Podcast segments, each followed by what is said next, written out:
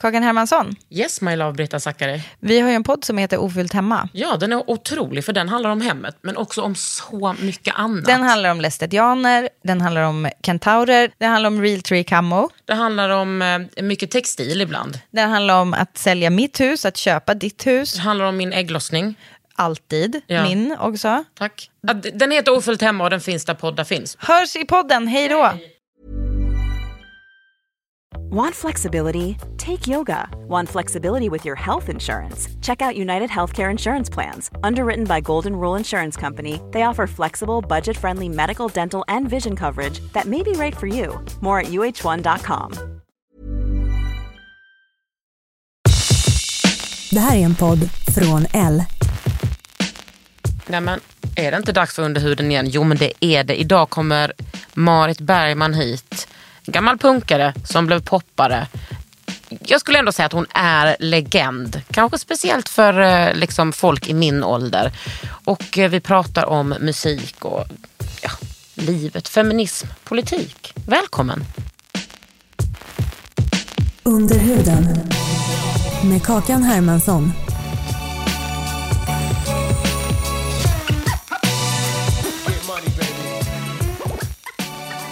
Hur går det med, med karriären? Det går inte bra.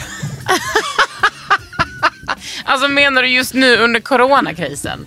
Ja, men jag känner att jag hade en dipp redan innan och det blev inte bättre av det här. Nähä. Kan Men, du, känna. men kan du inte bara skylla på corona då? Jo, Ja. det är det jag gör. ja. Ja, nej, men eh, vad ska jag säga om min karriär? Den, eh, så här, jag har ju fått, så, fått massa, nej inte massa barn, det är, helt, det är att överdriva. Ja. Ja, det är två. Jag fick, jag fick ett till barn Ja. för eh, snart två år sedan. Eh, och det har ju varit helt eh, under, underbart. Men Mm. det blir ju också så här, man tappar ju lite fokus. Mm. och också för att vår familjesituation är lite special. Att jag har en kille som bor i Göteborg. Alltså, Vet du vad, sluta skryt Marit. Ja. Eh, men eh, så att han bor, eh, Så du Junis pendl- pappa bor där. Ja. Eh, och sen så bor jag i Bredäng och så har jag Marius den stora på halvtid. Alltså det är ju ofta roligt och bra. Men det leder ju till att liksom logistiken, att få ihop allt och att få ihop att kunna arbeta. Det är lite tajt. Men vänta, okej, så nu går din dot, går er dotter på förskolan? Nu har han börjat på förskolan. Här? Ja, Mm. och då hann hon gå... ja, först så var det, ja men du vet så här, de börjar på förskolan så blir de förkylda och så Ja. går de en dag och så blir de förkylda igen.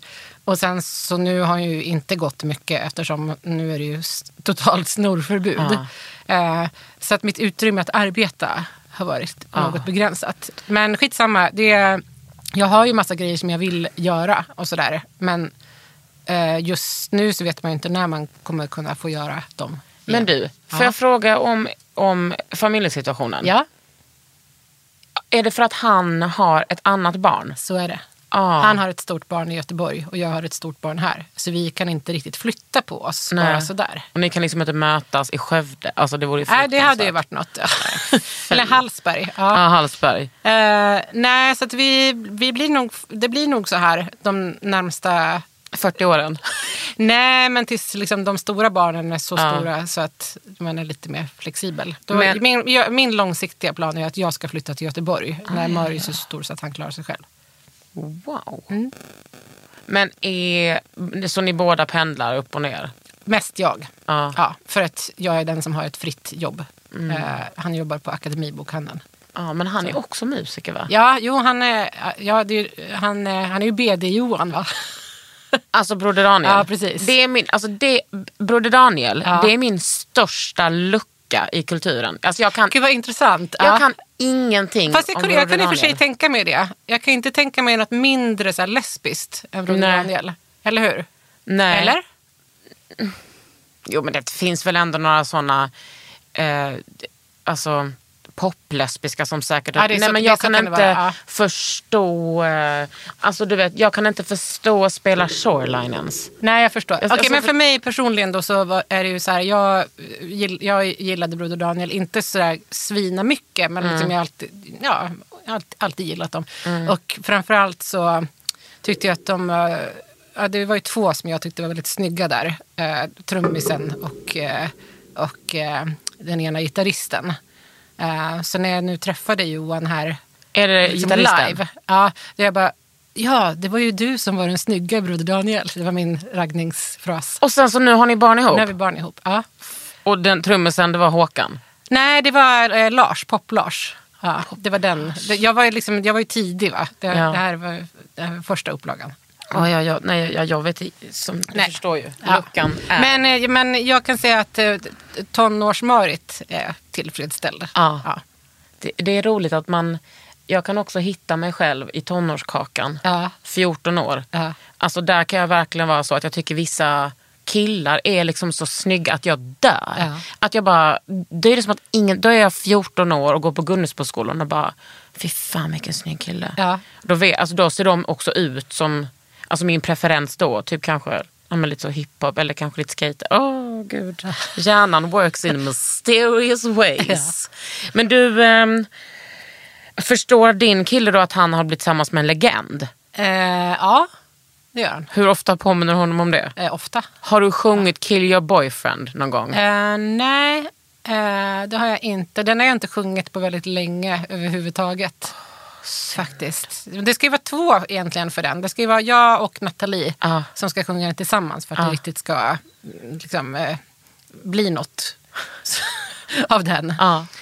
Eh, så att, eh, nej, den har han inte fått höra sådär på senare år. Nej, men kanske om vi väntar några år och liksom, ni Ja. får något stort bråk. Ja, nej, men det kommer inte hända. Han är för snäll. Han bråkar inte. Wow. Ja. Men då får du ställa till med något.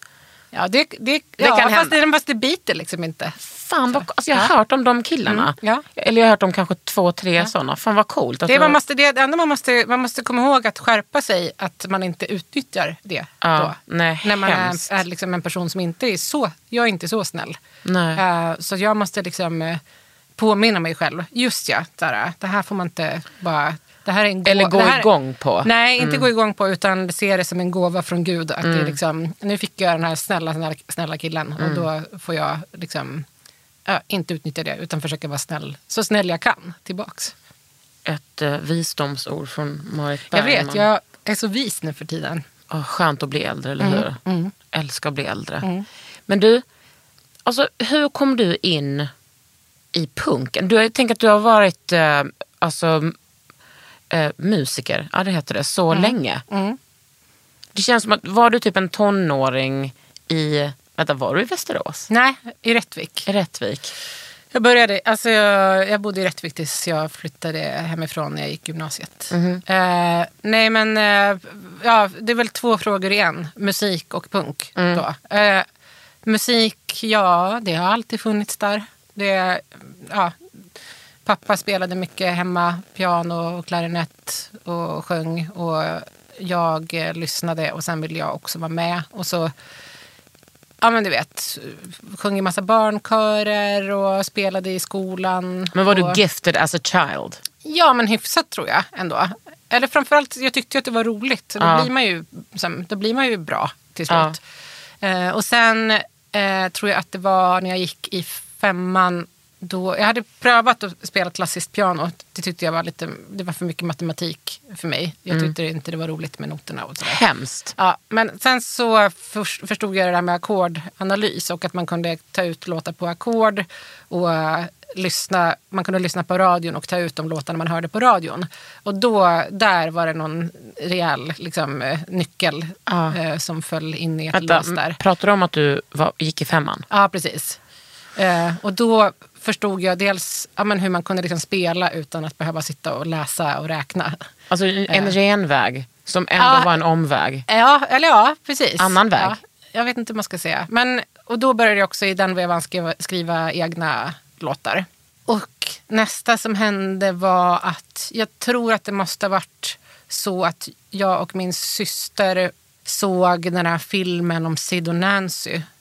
Kan det ha varit det? Eller var det, nej vet du vad det var? Det var The Grassy Junior High. Kommer du ihåg det? Nej, du är för liten. Nej. Eh, Det var en tv-serie eh, som gick på eftermiddagarna när vi kom hem från skolan. Och där, i den tv-serien så fanns det en tjej som hette Spike. eh, som, hade, som var en punk, eh, punktjej som jag tyckte var... Eh, hon, ja, hon hon, blev en, en förebild. Så då blev det, ja men okej, det här, hon är alltså punk och vad är punk? Och så försökte man eh, luska sig vidare. Mm. Ja, och det därifrån. här var ju inte nu som today's kids Nej, kan nej, bara inte- skicka iväg en googling och hitta. Nej, liksom. nej, så det blev ju en, hem, det blev, blev en väldigt så här hemmagjord eh, bondversion av punk. Men det som jag Så. tänker så mycket med eh, punk och framförallt tjejer är att det är någon slags antirörelse till, i alla fall då, alltså kanske femininitet. Att, men vad fanns det. Ja men det är sant, dig så, som... var, så var det ju verkligen. Ja. Att man, då slapp man ju försöka, så här, att man slapp ju försöka vara snygg. Ja. Så här, vad ful du är, ja, jag bryr mig inte. Ja, precis. Men jag, jag tänker att det kräver, det kräver rätt mycket för att eh, alltså, ha typ den styrkan att våga säga nej till den uppskattningen. För det är ändå den som bygger. Men jag fick ingen sån uppskattning. Så, så jag hade inte det. Eh, Nej, precis, men då krävs det ju kanske ännu mer. ja, ja. Du kände bara det är kört, jag kan lika gärna bli punkare. ja, jag tror det faktiskt. Gud, hel- Ja. så, jag med. 100 procent jag med. Alltså. Det, alltså det är, jag tycker att vara punk, att när jag var så här krustare, det är det skönaste som har hänt. Ja. Ingen jävla snubbe sexualiserad. Ingen jävel liksom. Alltså man var bara... Det var, liksom, det var kört från början. Fast jag har nog ändå, när jag tänker tillbaka så jag har jag nog aldrig legat så mycket som när jag hade dreads. Ändå. Nej, samma här. Det är någon... Ha den bilden på hornhinnan, you listeners. Nej men, ja precis. Men jag kan... Alltså, för när man kollar tillbaka i den där punken så är det klart att det fanns skitmycket normer om vad som var coolt. Absolut. Alltså hur mycket hår man kunde ha, vilka tatueringar. Alltså, Mm. Ja, ja. Att man skulle eh, fortfarande vara smal. Liksom. Och att man skulle försöka hitta rätt grejer Ja. i. Och det var ju inte så lätt. Alltså så här, bara hitta, försöka liksom komma åt ett par Dr. Martens när du bor i, liksom på landet. Nej, nej, nej. nej. och, Det är kört. och allting sånt. Men eh, Men Ja. hur, de här låtarna du skrev då? ja, det var inte punklåtar då. Det var liksom melankoliska preteen eh, ballader. Mm. Sen så började jag liksom drömma om att starta ett punkband. Och så var det så här, hur ska det gå till? Och Mm. så försökte jag det med mina kompisar hemma i Rättvik. Som inte var punk? De var, vissa var punk men de var inte så intresserade av att spela och vissa var intresserade av att spela men inte så punk. Och sen, ja, det var underlaget för att få ihop en fungerande Det var skit. rockgrupp. Det, gick inte, det gick inte bra. Så att jag, eh, men då fick jag nys om att det fanns eh, musiklinjen i Västerås. På den tiden fanns musiklinjen bara på tio orter i hela landet och då var Västerås det närmaste, 25 mil. Och så gick jag till min syokonsulent och sa att jag ska gå musiklinjen och då sa han, det kan du inte, du har för dåliga Va? betyg. Så, jag hade ju för dåliga betyg. Jag var inte intresserad av skolan när jag gick i högstadiet. Så punk? Ja, såklart. Men sen så gick jag ett år på social linje i Mora och pluggade, liksom, gjorde inget annat än plugga. Och sen kom jag in året efter. Ah. I Västerås. Men var det liksom ansökningar, så här Ja, det var, musikansökningar? ja, det, det var både audition och, Mm. eh, och eh, betyg. Så andra året så kom jag in och då kände jag att eh, när jag flyttade till Västerås, då började mitt liv. Ja, men då liksom bara... Jag ser det framför mig, slow motion, du har tagit tåget dit eller kanske blivit körd. Mm. Men var det som att du bara, nu ska, nu ska ni få se vem som är the punker of this fucking city. Ja, men lite så. Och jag kände också så här, fan, alltså nu, Västerås är det är inte en jättestor stad, men ändå. Jag var lite så här, jag var lite coolast i stan en stund. Och det Ja. var härligt att få vara det någonstans. Även om det bara var Västerås. Ja men för att du kom, liksom, du var så ny och spännande. Ja, men sen, det var många som var nya och spännande. Alltså, förlåt, jag måste stoppa in en snus. Eh, Det som var i Västerås på den tiden, det här var alltså Hon öppnar sin 1900 Mulberry-väska. Som jag måste dock påpeka, den här, Ja, den har per, per användningskostnaden på den här, den är nere i så minus... Ja, Ja. och den är så fin när den är sådär patinerad. Ja, den, har, den, har faktiskt, den köpte jag när Marius låg i magen, så den är åtta år nu. Ja. Eh, men i alla fall, vad var vi? vi var i Västerås Ja, det var, det var och jag var, jag var drottningen av Västerås. precis. Eh, nu Jo, det finns det många- ju ingen annan här från Västerås som kan, Som kan vara här för att detta. dementera eller bekräfta. Nej, nej. Men det, det, det var många som kom utifrån. Liksom. Ja, det var, dels var det många som kom utifrån för att eh, alla flyttade hemifrån för att gå den här musiklinjen. Mm. Sen var det här också i en period när eh, det växte fram en jätte, jättestark eh, ungdomsvänsterrörelse är i det liksom Västerås. någonstans i mitten av 90-talet? Nej, det början av 90-talet. Ja. Eh, så att, Vad- va- hur gammal jag, var är inte med i ung, jag var inte med i Ung Vänster själv, men som exempel på hur snabbt det här växte Mm. eh, så tror jag att Ung Vänster hade ungefär 10 medlemmar när jag flyttade till Västerås och de hade ungefär 200 medlemmar när jag flyttade därifrån. Ja. Och det var, ja, men det var ju så här, det, det var det var, det var Ung Vänster, det var Antifa, det var kvinnorörelse, det Mm. var liksom allt på en gång. Jag tror, jag vet inte varför det blev så just där och just då. Liksom. Har det att Eh, göra med att det är en gammal arbetarstad tror du? Jag tror, alltså det var, ja, det var ju rätt blandat liksom, klientel som var med i den här rörelsen. Visst, det var ju så här mycket barn till chilenska invandrare som eh, kanske var någon sorts arbetarklass. Men sen var det ju också väldigt mycket liksom, Som kulturmedelklassungar. Ja, Mm. så. Men det jag skulle komma till var att det var liksom spännande att bo i Västerås Ja. där och då. Men alltså att vara 15 år och flytta hemifrån. jag var inte 15, det var jag 17. Ja, precis. Men ja. ändå vara så ung och få, få chansen att forma sin egen identitet i kläder, få äta vad fan man ville eller vad man pallade laga. Alltså, och träffa andra som har, som har de möjligheterna och också suget att typ förändra världen. Ja, men det var underbart. Och liksom att lära sig saker om världen Ja. eh, tillsammans. Eh, så jag, jag känner väldigt mycket så här, det var kul med skolan och allting sånt också. Men Mm.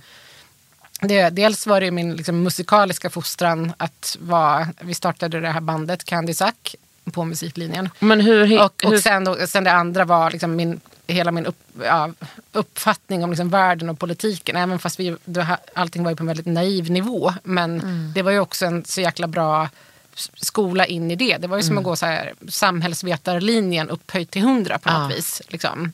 Men också, det måste få vara lite naivt eh, i början. Ja, vad ska man vänta sig? Man är 17 liksom. Ja, jag, alltså jag minns den tiden som otroligt härlig. Alltså det är nästan som en förälskelse. När man kommer in i politiken och lär sig och att man är så jävla driven att krossa alla de här orättvisorna. Ja, verkligen. Ehm, det, alltså det håller ju i sig nu i de här... Hur gammal är du? 40, jag ska fylla 45. Vad, alltså hur hittade du Candysack-tjejerna? Eh, de fyra av dem, nej tre av dem gick i min klass. Eh, Eller nej, två gick min klass och en tjej gick klassen över. Och sen så, eh, det här var eh, på tiden när, om du minns ett band som heter Nirvana.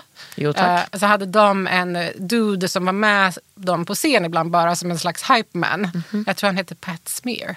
En sån blond så skatekille som bara gick omkring och öste på scenen. Eh, under vissa konserter. Och så tänkte vi att vi ska ha en sån i vårt band. Vi ska ha någon så galen person som bara kan liksom hypa publiken.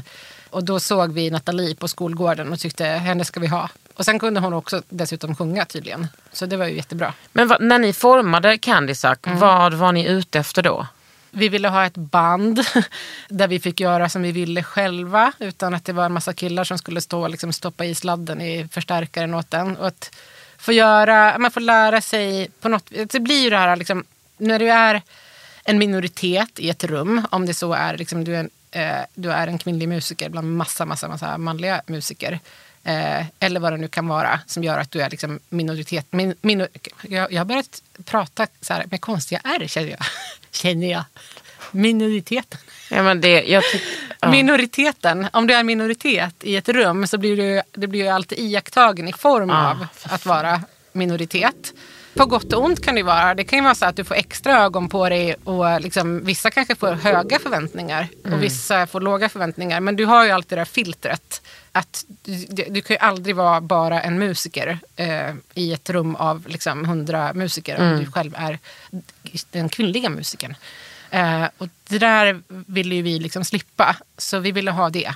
Det var mest det. Och sen så lyssnade vi väldigt mycket på vi lyssnade på så här Babes in Toyland och Hole och Sonic Youth och ja, men massa så här 90-tals grunge. Babes in Liksom. Toyland, Ja. de har inte jag tänkt på på hundra år. Fanns eh, Girl School då? Girl School, eh, var inte det så här hårdrock? Jo, Ja, det var väl tidigare. ja. ja tror jag har lyssnat på dem Ja. Alltså lyssnar fortfarande på Ja, dem. nej, jag har inte... Nej men typ så, fanns typ eh, babysitters on acids? Alltså, eller var det senare? De, det, det vet jag inte vad det är för någonting. Ja, det, är, de är, eh, det är också lite rock. Ja, Men gud, hur Nej, men hittade fanns- ni allt det här? ja du.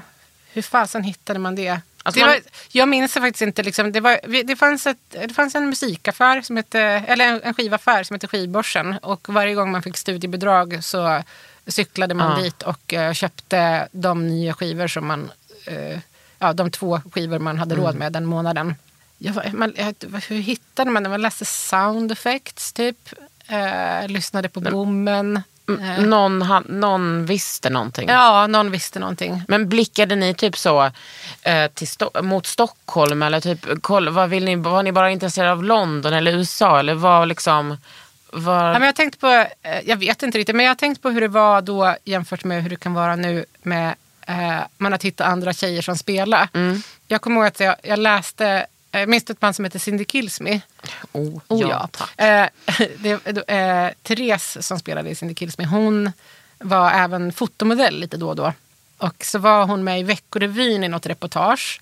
Och där, ja, jag vet inte vad sammanhanget var riktigt, men det var liksom en bild på henne och så stod det lite så här, ah, vad gör du? Liksom. Ah, jag spelar ett band som heter Cindy Kills Me. Och jag bara, åh, ett band, hon spelar ett band. Jag måste ta kontakt med henne. Och så vet jag inte så hur, men jag, typ, jag tror jag så här kollade upp henne i telefonkatalogen.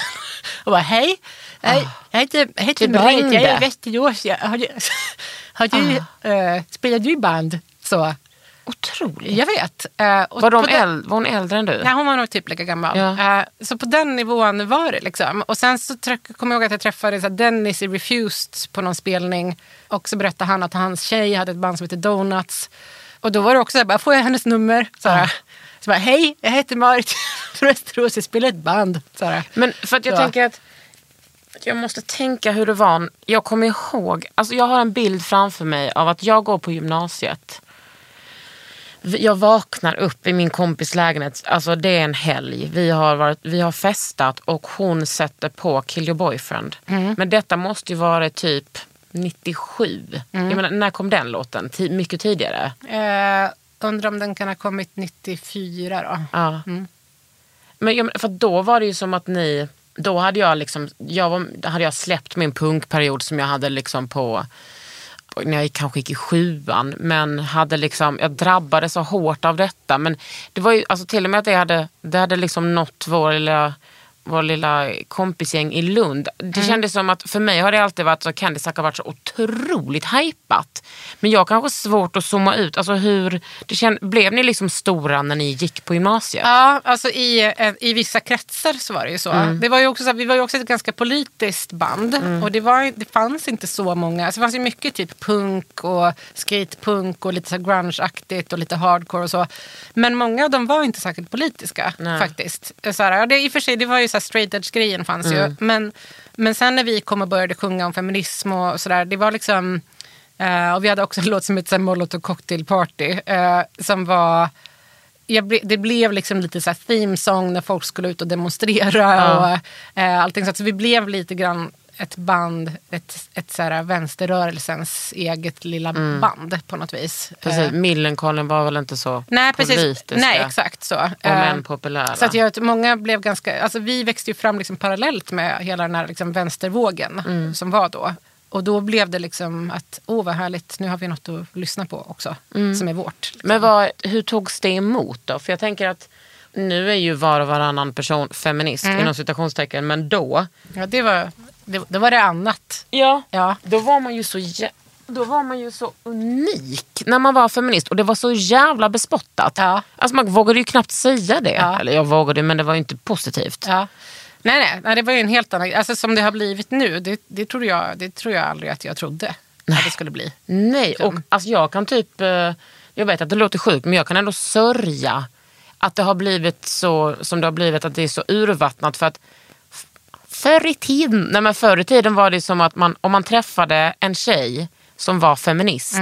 Eller typ, det här låter också sjukt, om man träffade någon som var typ, hade piercing i näsan eller som hade dreads. Då visste man att man bar på samma samhällsanalys. Nu, alltså nu är det bara helt exploderat. Men det är ju också fantastiskt. Alltså, ja, det är, ju så här, eh, underbart att folk, alltså, unga tjejer pratar om systerskap alltså, och praktiserar det. Ja, det På blir ett- på en helt annan Ja. nivå. Ja, men vad ska jag säga om det? Ja, nej men det är klart det blir inte så här, det kanske inte blir identitetsskapande på samma sätt. Men det har man ju inte heller något, jag har ju inte något behov av det nu heller som när man är 45. liksom. Nej. Eh, Nej, men vi har ju vår grund. Ja, men, och sen så tänker jag, sen har, jag, sen har det varit så, jag, jag känner att ja, men periodvis, eh, hur, hur det blev bemött då, det var ju det som var grundfrågan. Eh, alltså, ja, nej men, ibland kände jag nog väldigt mycket att jag var tvungen att så här, urs, nästan ursäkta mig. Eh, för att så här, eh, men beroende på om jag hade en stark eller svag dag. Eh, om man har en stark dag och är omgiven av de andra, då kan man liksom gå ut och vara tuff och, och säga liksom, vad som Slagord. finns på hjärtat. Liksom. Men i andra sammanhang så orkade man ju inte det. Eller jag orkade inte det. Så då, jag, ja, det känns som att man har suttit på ett antal fester när man säger nej, nej, men alltså nej, det är inte så. eh, Inte, men du verkar ju snäll. Så här. gud. Nej, för Eh. jag tänker att jag menar, ni måste väl också ha varit eh, intresserade, för alla var väl inte, kanske inte straighta bandet, men ni som var intresserade av killar var väl också intresserade av, alltså av att få den bekräftelsen i, alltså även om man var så här feministisk punkare. Jo, men jag tror nog ändå att om, man om jag- ska vara ärlig så tror jag nog ändå att vi fick det. Alltså det fanns ändå tillräckligt mycket killar i, runt oss i den här liksom, ganska hårda vänsterrörelsen. Liksom. Ja, ja, ja, Det- såklart, Det, det men fanns menar- att det räckte och blev, blev, blev över där. Usch ja. Ja. men jag menar, det, alltså, tyckte de att det var, för jag tänker så här, män, Ja. var inte de, alltså, hur var det i början av 90-talet med att vara feminist bland sådana där liksom, killar? Eh, det var nog värre bland andra band än vad det var bland liksom, andra så här, killar i vänsterrörelsen. Mm. Eh, Men var det för att ni hade status? hur menar du nu? Alltså, Alltså, jag menar, jag Att, vi, tänker, att, att, vi var liksom, att folk var lugna med oss för att vi hade status. Ja. Eh, jo men så kan det ha varit. Absolut. Men också jag tror, fan, nej, men ärligt, alltså, alla försökte ju lära sig någonting. Vi försökte, jag försökte lära mig om antirasism. Killarna försökte lära, lära sig om feminism. Liksom. Och sen så kanske det gick liksom, lite som det gick med både det ena och det andra. Ja. Eh, men där, där, var, nej, där tyckte jag inte att det var något, liksom, där upplevde jag inte det som ett problem så. Liksom. Men däremot eh, med andra band så kändes det ju väldigt så här att eh, folk var väldigt så här, misstänksamma. Inte alla. Men Hur då, menar du? Eh, ja men att, eh, ja nej nu kommer de där igen. Och att vi, vi fick ju inte vara med i något gäng liksom. Nej, som, med de andra banden. men de andra det sättet, killarna liksom. menar du? Exakt. Eller med killarna? Ja, med Nej. de andra killarna i, i, i alla killbanden som fanns. Mm. Det var vissa band som liksom, ja, det var väl typ Refused som vi fick vara kompis med. Så här, och kanske lite Fireside. Men sen så, de andra känns ju som att de så här stod på arm, höll oss på armlängds avstånd. Liksom. Och varför det tror du? Ja, men det var ju för att vi var tjejer och sa saker. Mm. Så. Men i- på ett sätt är det ju liksom inte jättemycket som har hänt känner man. Nej, men det är inte så komplicerat. Men vad, Nej, det, det, men det, det, det är både grejer som har hänt och inte hänt. Ja. Så här, jag kan säga så här, till exempel för, förra skivan jag släppte, nu var ju det hundra år sedan igen, men fem år sedan, så skulle jag dra ihop ett nytt band och åka på turné. Och då eh, så tänkte jag att jag ska försöka hitta lite nya människor att spela med som jag inte har spelat med förut. Och, och då var det ju liksom, ja, hur många, vilken av alla de- här tjejerna som är fantastiska på trummor eller gitarr eller liksom, vi- vilken vill du ha av alla som finns? Eh, så helt underbar känsla. Man får så här, ja, att det blir så otroligt lyxig situation Ah. att sitta och välja. Eller de- måste ju också vilja spela med mig. Men, Ja. men eh, att, det, att det finns ju så otroligt många fler tjejer nu som spelar. Ja. Så det har ju, där har, det har ju hänt grejer, verkligen. Och också när man är väl ute på turné och så träffar var och varannan hustekniker är kvinna. Ja. Eh, och det var ju unheard of liksom, när vi var små. Men däremot så har jag, jag har också varit ute rätt mycket och du vet, så här, träffat ungdomar och haft workshops och, i låtskrivande och ditten datten. du har väl varit mycket på popkollo? Ja, det, det också. Ja, det var jag med och startade. Ja. Eh, Men det, dels, dels i det sammanhanget, men också andra sammanhang. Så, då, då träffar jag ju tjejer som har samma liv nu som jag hade när jag var 17. Och där kan man ju säga att det har ju tyvärr inte hänt jättemycket Nej. för många av dem. De får fortfarande liksom fightas för att få en plats i replokalen. Och får, det är fortfarande liksom att eh, ja, man får inte pröva att spela gitarr om man inte har spelat gitarr i tio år. Ja men du vet den känslan. Det där är mörkt alltså. Under huden med Kakan Hermansson.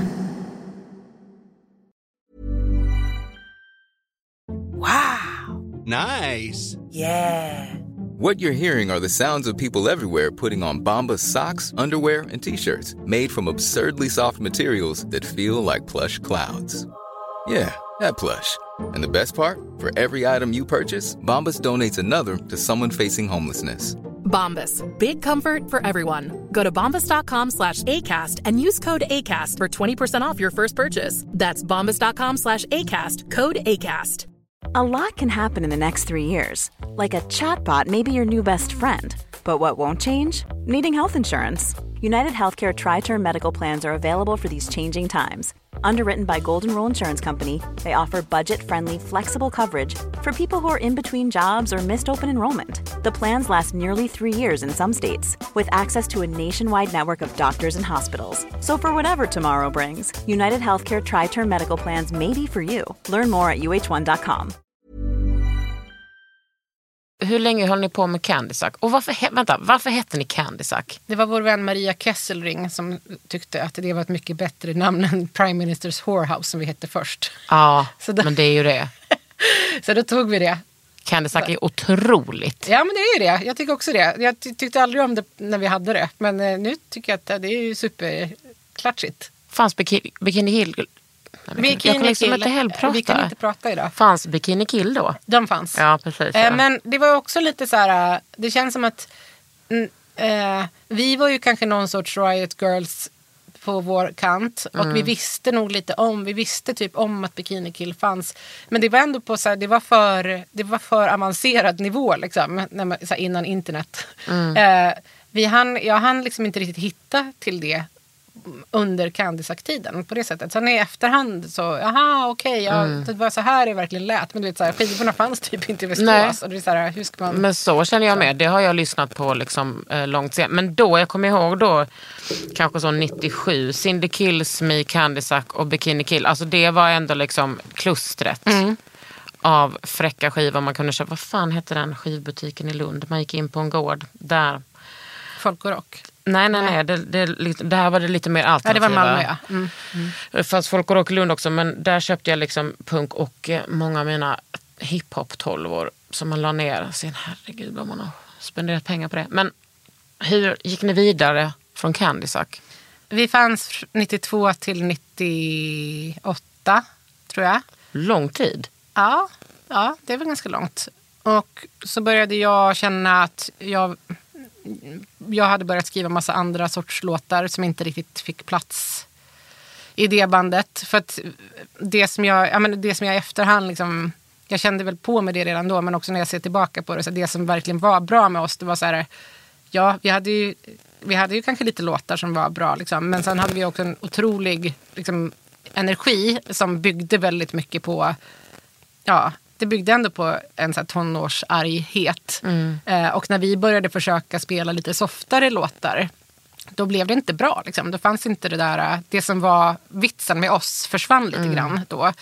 Och så hade jag liksom hamnat ur det där argaste och orkade inte hålla på med det. Eh, och så, ja men det är väl, ja. Och det, är, och det är slitigt att ha ett band ihop, herregud. Det är som att så här, du har en så här kärleksrelation fast med fem personer. Liksom. Otroligt Polly. Så, ja. eh, så jag tror att eh, eh, alltså du får fråga de andra deras uppfattning om liksom, hur allting var och varför saker blev som det blev. Men jag kände i alla fall, jag kom till en punkt när jag kände att nej, det här det kommer inte, det kommer inte gå. Och så ville jag göra eget. Var, var det, upplöstes ni då? Ja. Var det en sorg? Jag tror att, eh, alltså för mig där och då, alltså, jag gick inte in i det alls. Eh, men däremot har jag förstått att flera av de andra gjorde det. Eh, jag var mer, jag gör som jag brukar, att jag bara jag skakar av och går vidare. Så. Mm. Men vad, det, vad hände, de andra tjejerna, har de haft, liksom, fortsätter de med musiken? Eh, Nathalie som också sjöng, Mm. eh, hon, eh, hon flytt, hon, när vi var på Englands turné så träffade hon en kille i Newcastle och sen fastnade hon där. De gjorde slut men hon blev kvar. Eh, hon har fortsatt med musik där Ja. eh, och gör jätte, jättebra grejer. Så här, ganska så här, mörka, mörka grejer så att, och så här, konstiga tolkningar av svenska folkvisor Ah. i någon så här drone-miljö. Liksom. Wow. Så, ja, så hon, hon har fortsatt och gör skitbra saker. Nathalie Stern heter hon. Och eh, ja, nej, men det är väl hon som verkligen har fortsatt. Sen de andra tjejerna, vissa av dem spelar lite så här hobbyspela. Men Mm. ingen som spelar till dagligdags. Men när ni höll på, eh, var det liksom, tänkte du alltid, ja jag kommer fortsätta vara musiker?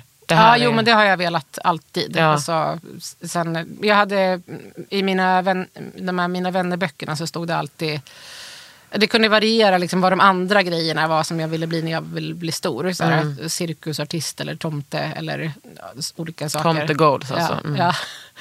Eh, Men popstjärna var liksom alltid Ja. med. eh, Från att jag var åtta.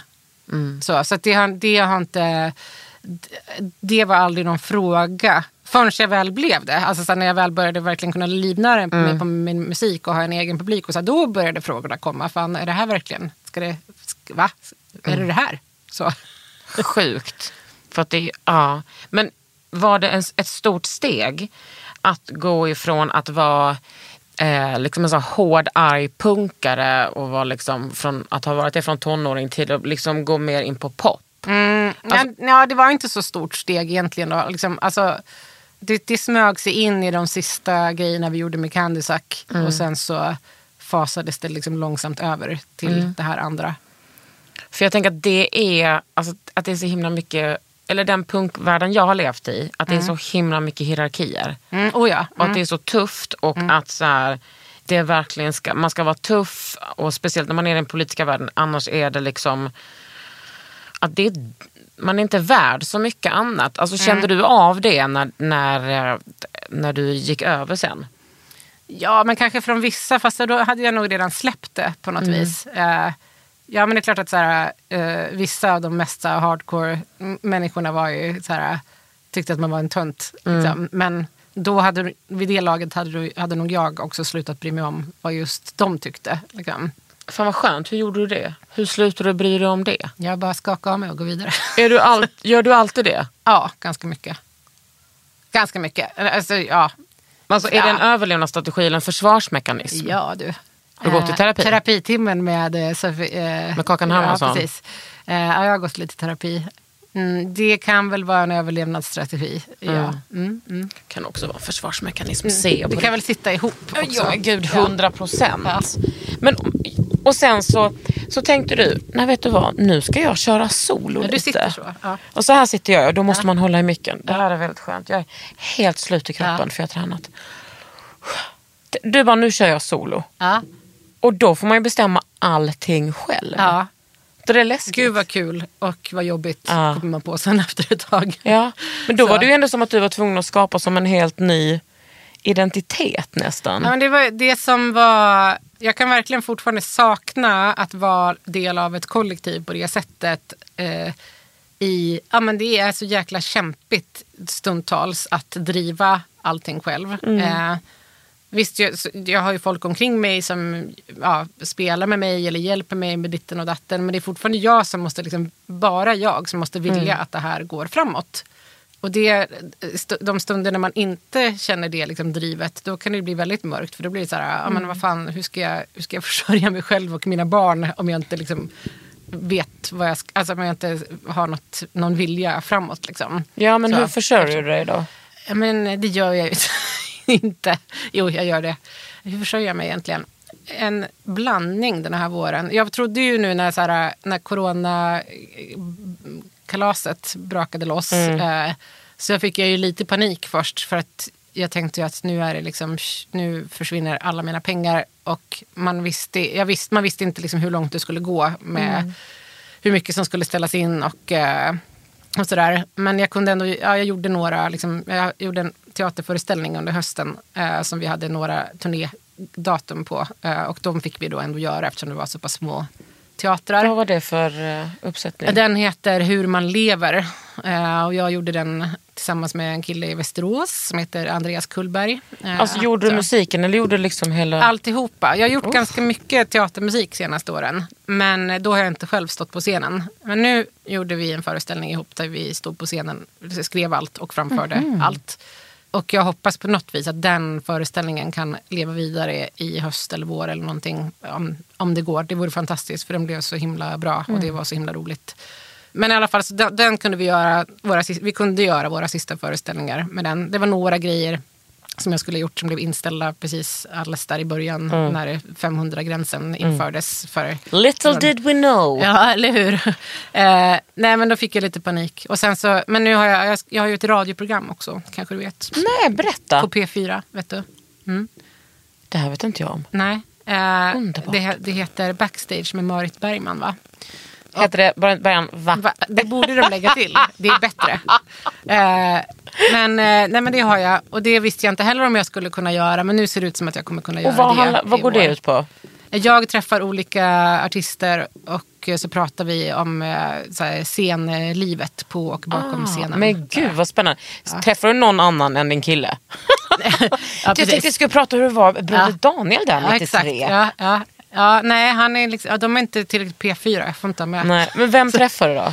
Det har varit väl, nu, har, jag har kört fyra säsonger nu. Eh, Så det har varit alla möjliga. Det har varit liksom Lill-Babs och eh, Jill Johnson har varit där och Titi och, och Darin och Wow. ja, jag vet inte. Vilken otrolig, eh, alltså vilken programidé. Ja, det har varit jätte, det är så roligt. Nu har det, sista, senaste säsongen börjar det bli verkligt roligt också för att jag börjar lära mig jobbet. Ja, men det Så, älskar för jag dels är, det så här, dels är det, en, det är ju en konst att intervjua folk eh, ja, i radioformat eller poddformat också. Mm. Eh, är det väl samma. Typ. Ja, men det, dels det är ju svårt att hålla liksom huvudet i styr eh, på något vis och kunna vara så spontan samtidigt som man håller sig något, alltså skapa någon slags inneboende dramaturgi i det man pratar om. Eh, och sen också att kompa folk. Det är en helt annan grej än att så här, eh, spela själv eller liksom bli kompad av andra. Men vadå, men spelar du med dem? Ja, jag spel, vi, ja, precis. Det glömde jag säga. Jo, vi spelar tillsammans. Och då blir det ju ofta så att, eh, eller vissa då spelar man verkligen tillsammans. Men sen ganska många eh, spelar inte så mycket själva. Så då blir det jag som får kompa dem. Och det är ju jätte, jättesvårt. Det är ett helt annat sätt att tänka när man ska spela än vad det är när man gör sitt eget. Jill Johnson, hon har kompat. Du, hon, hon är ju så jävla grym för att hon är så här, ah, tror jag borde lära mig gitarr. Lär sig gitarr på typ ett år så är Ja. hon, hon är minst lika bra som jag nu som har spelat i nästan hela mitt liv. Ja. Eh, och så här, ah, borde lära mig kanske spela munspel. Ja, lär sig spela munspel. Säga, hon är ju helt grym. Så hon, var ju, hon hade gitarren med. Var vi med På, samma säsong? på Gills veranda? Ja. Ja. det var första. Kommer du ihåg när vi träffade Emily Harris? Ja, det var galet. Herregud. Alltså vet du vad? Helt ärligt. Jag känner att jag hade kunnat hoppa över det. Okej, För att det blev för mycket för dig? Eller? Ja, det blev för mycket för mig. Och att jag känner lite så här, vad fan ska hon med det mötet till? Alltså jag känner Ja. att, att, jag, att man bara var i vägen. Sen hade hon ju också sitt fan, det där speciella fanet. Ja. Som flyger runt i hela världen efter henne. Ja. Ja, men jag visst, alltså så här, ja, vadå, du kände dig liksom att du var jobbig då? För att du Ja, var, jag kände mig bara, ja men samtidigt, alltså du vet hon är, alltså hon är liksom gud för mig. Ja, men och sen är det så här, nu, utan några vidare jämförelser mellan mig och Emily Harris, så har jag ju ändå, så här, ja, men jag har ju också upplevt att ha människor som följer mig och Mm. vill vara där jag är. Eh, och eh, ja, så här, stundtals kan ju det vara en lite konstig grej. Eh, men, men rätt ofta kan jag också känna så här, hur fan vad det här är häftigt. Alltså i Mm. grunden. Liksom, jag gör någonting som ger någon annan så Ja. mycket så att de faktiskt vill vara nära. Liksom. Mm. Eh, Men hon Och har det- ju liksom haft det i 50 år. jo, jag vet. Men samtidigt, så om hon inte tyckte om det alls, liksom, Ja. då, fick, då får hon väl skita i att turnera. Alltså, så här, det, That's då kan man ju, right, ja, Emmylou. ja, men då kan man ju lägga ner. Om man, om man, inte, liksom, eh, om man inte står ut med den delen av eh, yrket på något vis. Precis, Då det så här, hon tror inte hon beh- behöver pengarna. nej, jag tror inte heller det. Fy fan, det, där, nej, men det var underbart. Och jag har sett henne så många gånger men jag, jag stod ju längst fram som en sån Backstreet Boys-fan och Ja. lyssnade. Och du vet när hon spelade Red Dirt Girl, jag bara stod och grät och grät och grät. Och sen så efter en stund gick jag bak och träffade några andra kompisar. Jag bara, gud det var så fint. Vi bara, men vi såg det. Jag bara, vad menar du? Och bara, nej men de filmade dig. Närbild på dig och liksom på den där stora liksom, eh, duken eller skärmen. Så att all, alla såg när du stod och, och fulgrät. Men sen också när de sjöng tillsammans. Hon hade ju med sig då min vän Pam Ja, Rose och eh, vad heter den andra? Jag har glömt bort nu. Eh, Liz någonting. Eller? Eh? Liz Rose. Nej, det är inte hon. Nej, vad heter den andra som var med? Hon hade ju, Emily hade två sångerskor Ja. med sig. Pam och den andra. Ja. Mary Lou någonting. Och de har ju då sjungit tillsammans av och till i typ 40 år. Ja, är så Och att höra dem, de gjorde någon a cappella-grej på slutet. När det, de är så tajta så, att det, är Ja. så det, är samma, det är samma person. Ah. Som, en, sam, en röst som sprider ut sig Mm. till tre och bara, alltså det åh vilken, eh, vilken konst. Ja. Vilken nivå. Men vad, vad lyssnar du på för musik när du liksom är hemma och chillar? Ja, det blir mycket, vad bor du lilla råtta Ja. i en hatt? Kompisbandet. Och så blir det, ja precis, kompisbandet. Och sen så lyssnar ju Marius mycket på, eh, just nu Anis Don Demina och vad heter han, Z.E. Eh, ZE. säger man ja. Grattis, bra, alltså, bra smak. Det kunde ju varit hemskt. Ja, fast det är rätt mycket grejer med ZE som jag känner, ja visst, jag kan ju lyssna på det, men det ju, jag, måste ju, jag måste ju lite grann så här, blocka vissa låtar Ja. för en åttaårings Ja. öron. Eh, men, eh, eh, nej, men så det här egna musiklyssnandet, det ligger ju på paus faktiskt. Eh, sen kan jag, när jag ska göra något jobb, kan jag ju lyssna in mig specifikt på vissa grejer. Liksom, Mm. för att jag man behöver, särskilt om jag gör teatermusik så behöver jag kanske fatta lite så här, men hur är det här gjort? Ah, Eh, nu är vi ute efter det här. Ja, men, och så får man liksom gå djupare in i vissa saker för att liksom analysera och lyssna efter vad det är för instrument. Så inte bara, för rätt ofta med- musikminnet, det är så bedrägligt. Man kan höra låtar och så lyssnar man på dem med ett oprofessionellt öra så tror man att de är gjorda på ett visst sätt. Och sen när man ver- verkligen börjar gå in och lyssna på det så inser man att man, nej, nej, nej, den går hälften så fort och eh, det är helt andra instrument än vad jag tänkte att det var. Och liksom, Gud vad skönt så. att du gör det och inte jag. Alltså det är, verkar så fruktansvärt svårt att vara musiker. Ja. Ja, det, är så, det och läkare och Ja. sjuksköterska och undersköterska. Ja. Det är de yrkena som jag har mest respekt för. Ja. ja, jag har ingen respekt för musiker. Nej, men- det har jag. Nej, men det, det jag tycker är roligt att lyssna på, det är ju ofta sådana saker, alltså när jag verkligen ska lyssna, då är det ju sådana som, som jag omöjligt kan förstå hur det är gjort. Alltså så här, jag fattar inte vad Alice Coltrane gör. Och jag fattar inte riktigt Vad ZE håller på med. Ja, men det fattar jag. Ja. Så här, men, men, eh, men i och för sig, så med rap, det är ju väldigt inspirerande att lyssna på rap som, som textförfattare och sångerska. För där är det ju liksom, sker ju allting på helt andra nivåer än vad det gör eh, i mitt eget. Så inför förra skivan så lyssnade jag jättemycket på rap. Eh, men det har inte, ja, nu är det mest barnrappen som jag lyssnar på. Men du. ZE? Nej jag skojar Ja, bara. jo, men det menar jag Jag gillar. ZE. Ja, mm. Men det är intressant att åttaåringar eh, gillar det. Mm. Men du har ju också producerat mycket. Ja, mycket, mest åt mig själv och teatermusik. Jag har aldrig gått in och prod- proddat andra artister på det sättet. Okej. Nej, men jag har liksom tänkt då och då att jag vill börja gå in och producera andra lite mer. Sen har det liksom inte blivit av. Jag vet inte. Det är som att jag alltid har för mycket med mitt eget på något vis. Och sen är det ofta också så här... Det kanske när du kommer upp på en viss nivå så kan du få, då kan du få förskottsdealar och allt sånt där. Men annars så blir ju det grejer som man gör typ på späck. Liksom. Vad betyder det? Alltså att man gör grejer att få, få betalt om det blir något. Liksom. Eh, och det orkar inte jag riktigt. Såhär. Eh, Nej. men eh, någon gång skulle jag vilja gå in och liksom prodda någon annan artist lite mer. har du någon Eh. drömartist du skulle vilja? Nej, men det är mera, man vill ha någon ny, man vill ha en färsking. Ja, en formbar en formbar. Ja. Nej, men där man verkligen kan få gå in med så här, äh, och lyfta någonting. Liksom jag, eh, jag ska inte säga några namn nu, men jag jobbade med jag var mentor åt en kille förra året som gick Biskops Arnö. Som var så ja, otroligt bra textförfattare och låtskrivare. Och, som, men som, han hade inte själv hunnit så himla långt i, liksom, i här, i- tanken på så här, instrumentering och produktion. Och, så här. och Tanken var ju att jag skulle liksom peppa honom att så här, ja, men du kan tänka så här, du kan göra så här, du kan jobba med de här eller du kan göra så. Fast jag blev hela tiden så bara, fast jag vill nog göra det här själv egentligen. Så här. Men, han det- var liksom det- musiker också. Ja, ja precis. Ja. Wow. Men, eh, eh, nej, men det är nog mest det. Liksom. Men, eh, annars tycker jag det är svårt att tänka abstrakt på det. I och för sig, det finns vissa... Jo, men, nej, men jag vill inte säga några namn där heller. Men det finns några artister där jag känner så här, som jag lyssnar på som jag tycker är bra. Men, Men som jag, hade kunnat bli bättre. Ja, som jag känner så här, ja, fast om du, ah, om du bara gjorde ah, så där, Ja. då skulle det bli mer som jag Men tyckte är om. det liksom helt sjukt att höra av sig? Jag bara, hej kan inte jag få producera dig? Är nej, det liksom, nej, det hade nog inte varit så konstigt. Men det är mer bara, man, det, det, ja, det är bara omständigheterna. Och just nu eftersom jag är liksom, eh, i praktiken eh, så här, ensamstående tvåbarnsmamma, då, då gör jag bara saker som jag vet drar in pengar. Ja, men jag fattar det. så. Det är ju liksom en, eh, man måste ju ha stålar för att kunna göra sånt där. Ja, precis.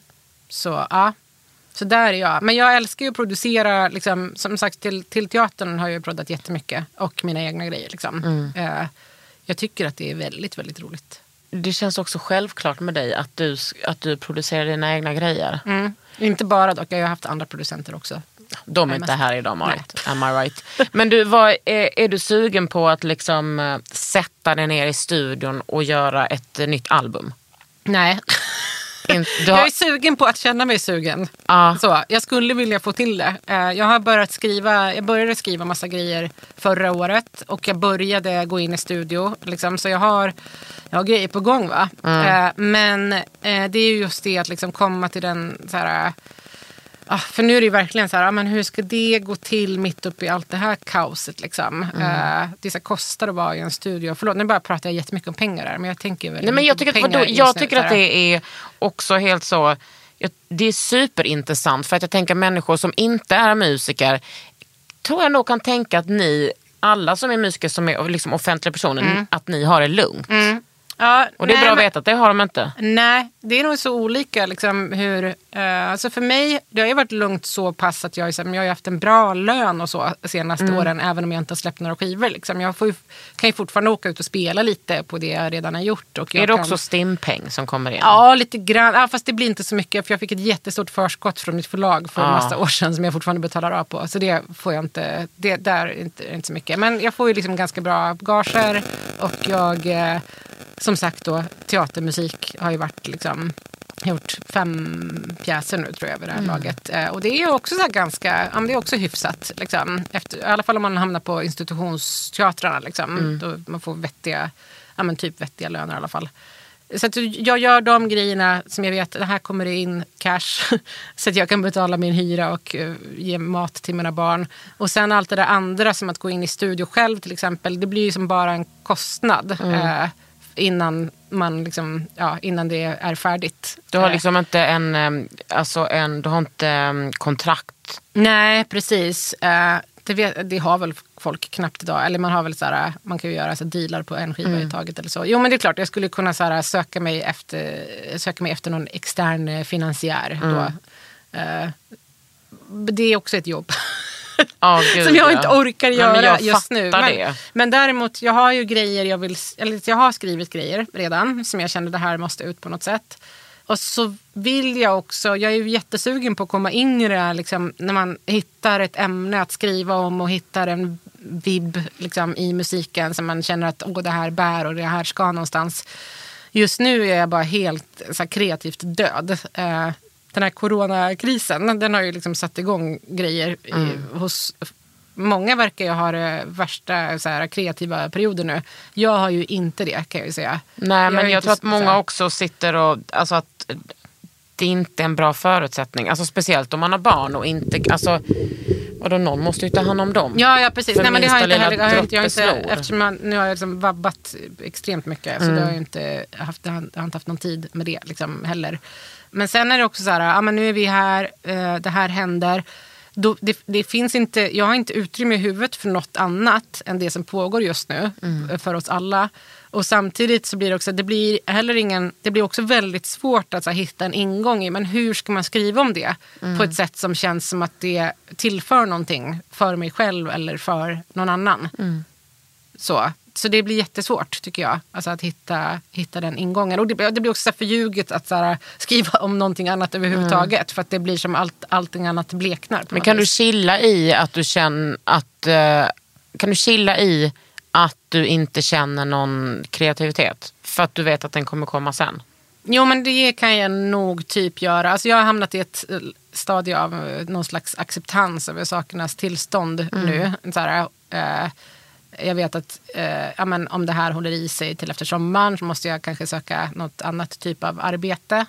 Eh, jag eh, vet att det kommer bli ännu mer stökigt att ha liksom, halva sin familj på en annan ort.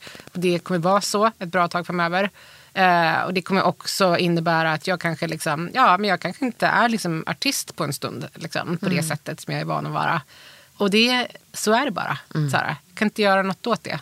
Det är också det som är på ett plan härligt. Att i vanliga fall när det liksom kaosar och krisar, då är det ju man själv som har ställt till det. Men nu är det ju inte det. för Nu är det, ett, nu är det ett virus. Och det är så här, ganska många som är, inte kanske i exakt samma båt, men ute och seglar på samma hav i alla fall. Gud ja, vi är, alltså jag menar konstnär. Det är inte som att någon är sugen på att köpa lite politisk keramik just nu. Om man säger så. Jag är jättesugen, men jag har inga pengar. Ja, det är bra.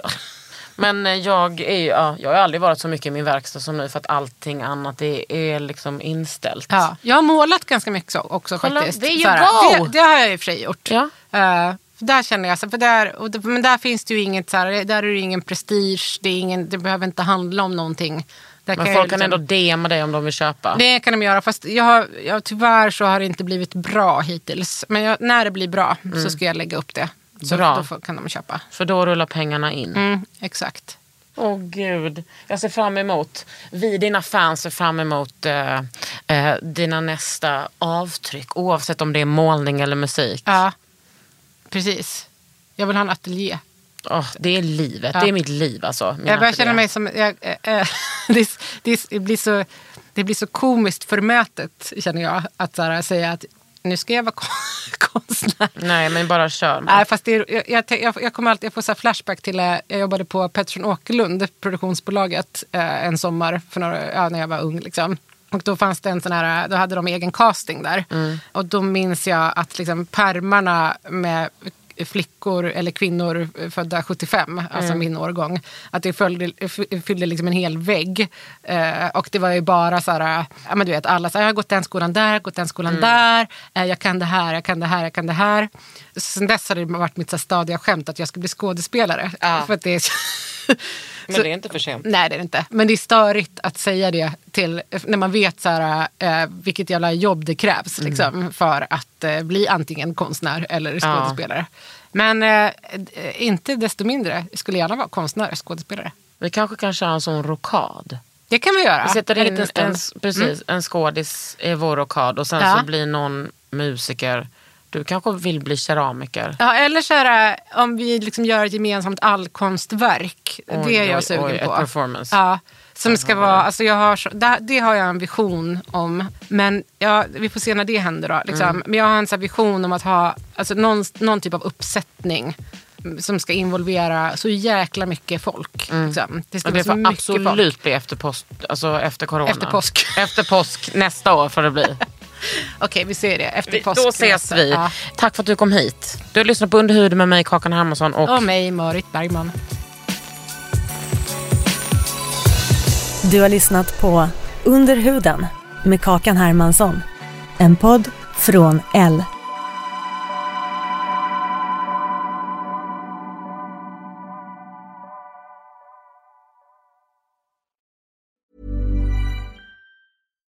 Deserves the best, and there's no better place to shop for Mother's Day than Whole Foods Market. They're your destination for unbeatable savings, from premium gifts to show-stopping flowers and irresistible desserts. Start by saving 33% with Prime on all body care and candles. Then get a 15-stem bunch of tulips for just $9.99 each with Prime. Round out Mom's menu with festive rosé, irresistible berry chantilly cake, and more special treats. Come celebrate Mother's Day at Whole Foods Market. Normally, being a little extra might be a bit much, but not when it comes to healthcare. That's why United Healthcare's Health Protector Guard fixed indemnity insurance plans, underwritten by Golden Rule Insurance Company, supplement your primary plan so you manage out of pocket costs. Learn more at uh1.com.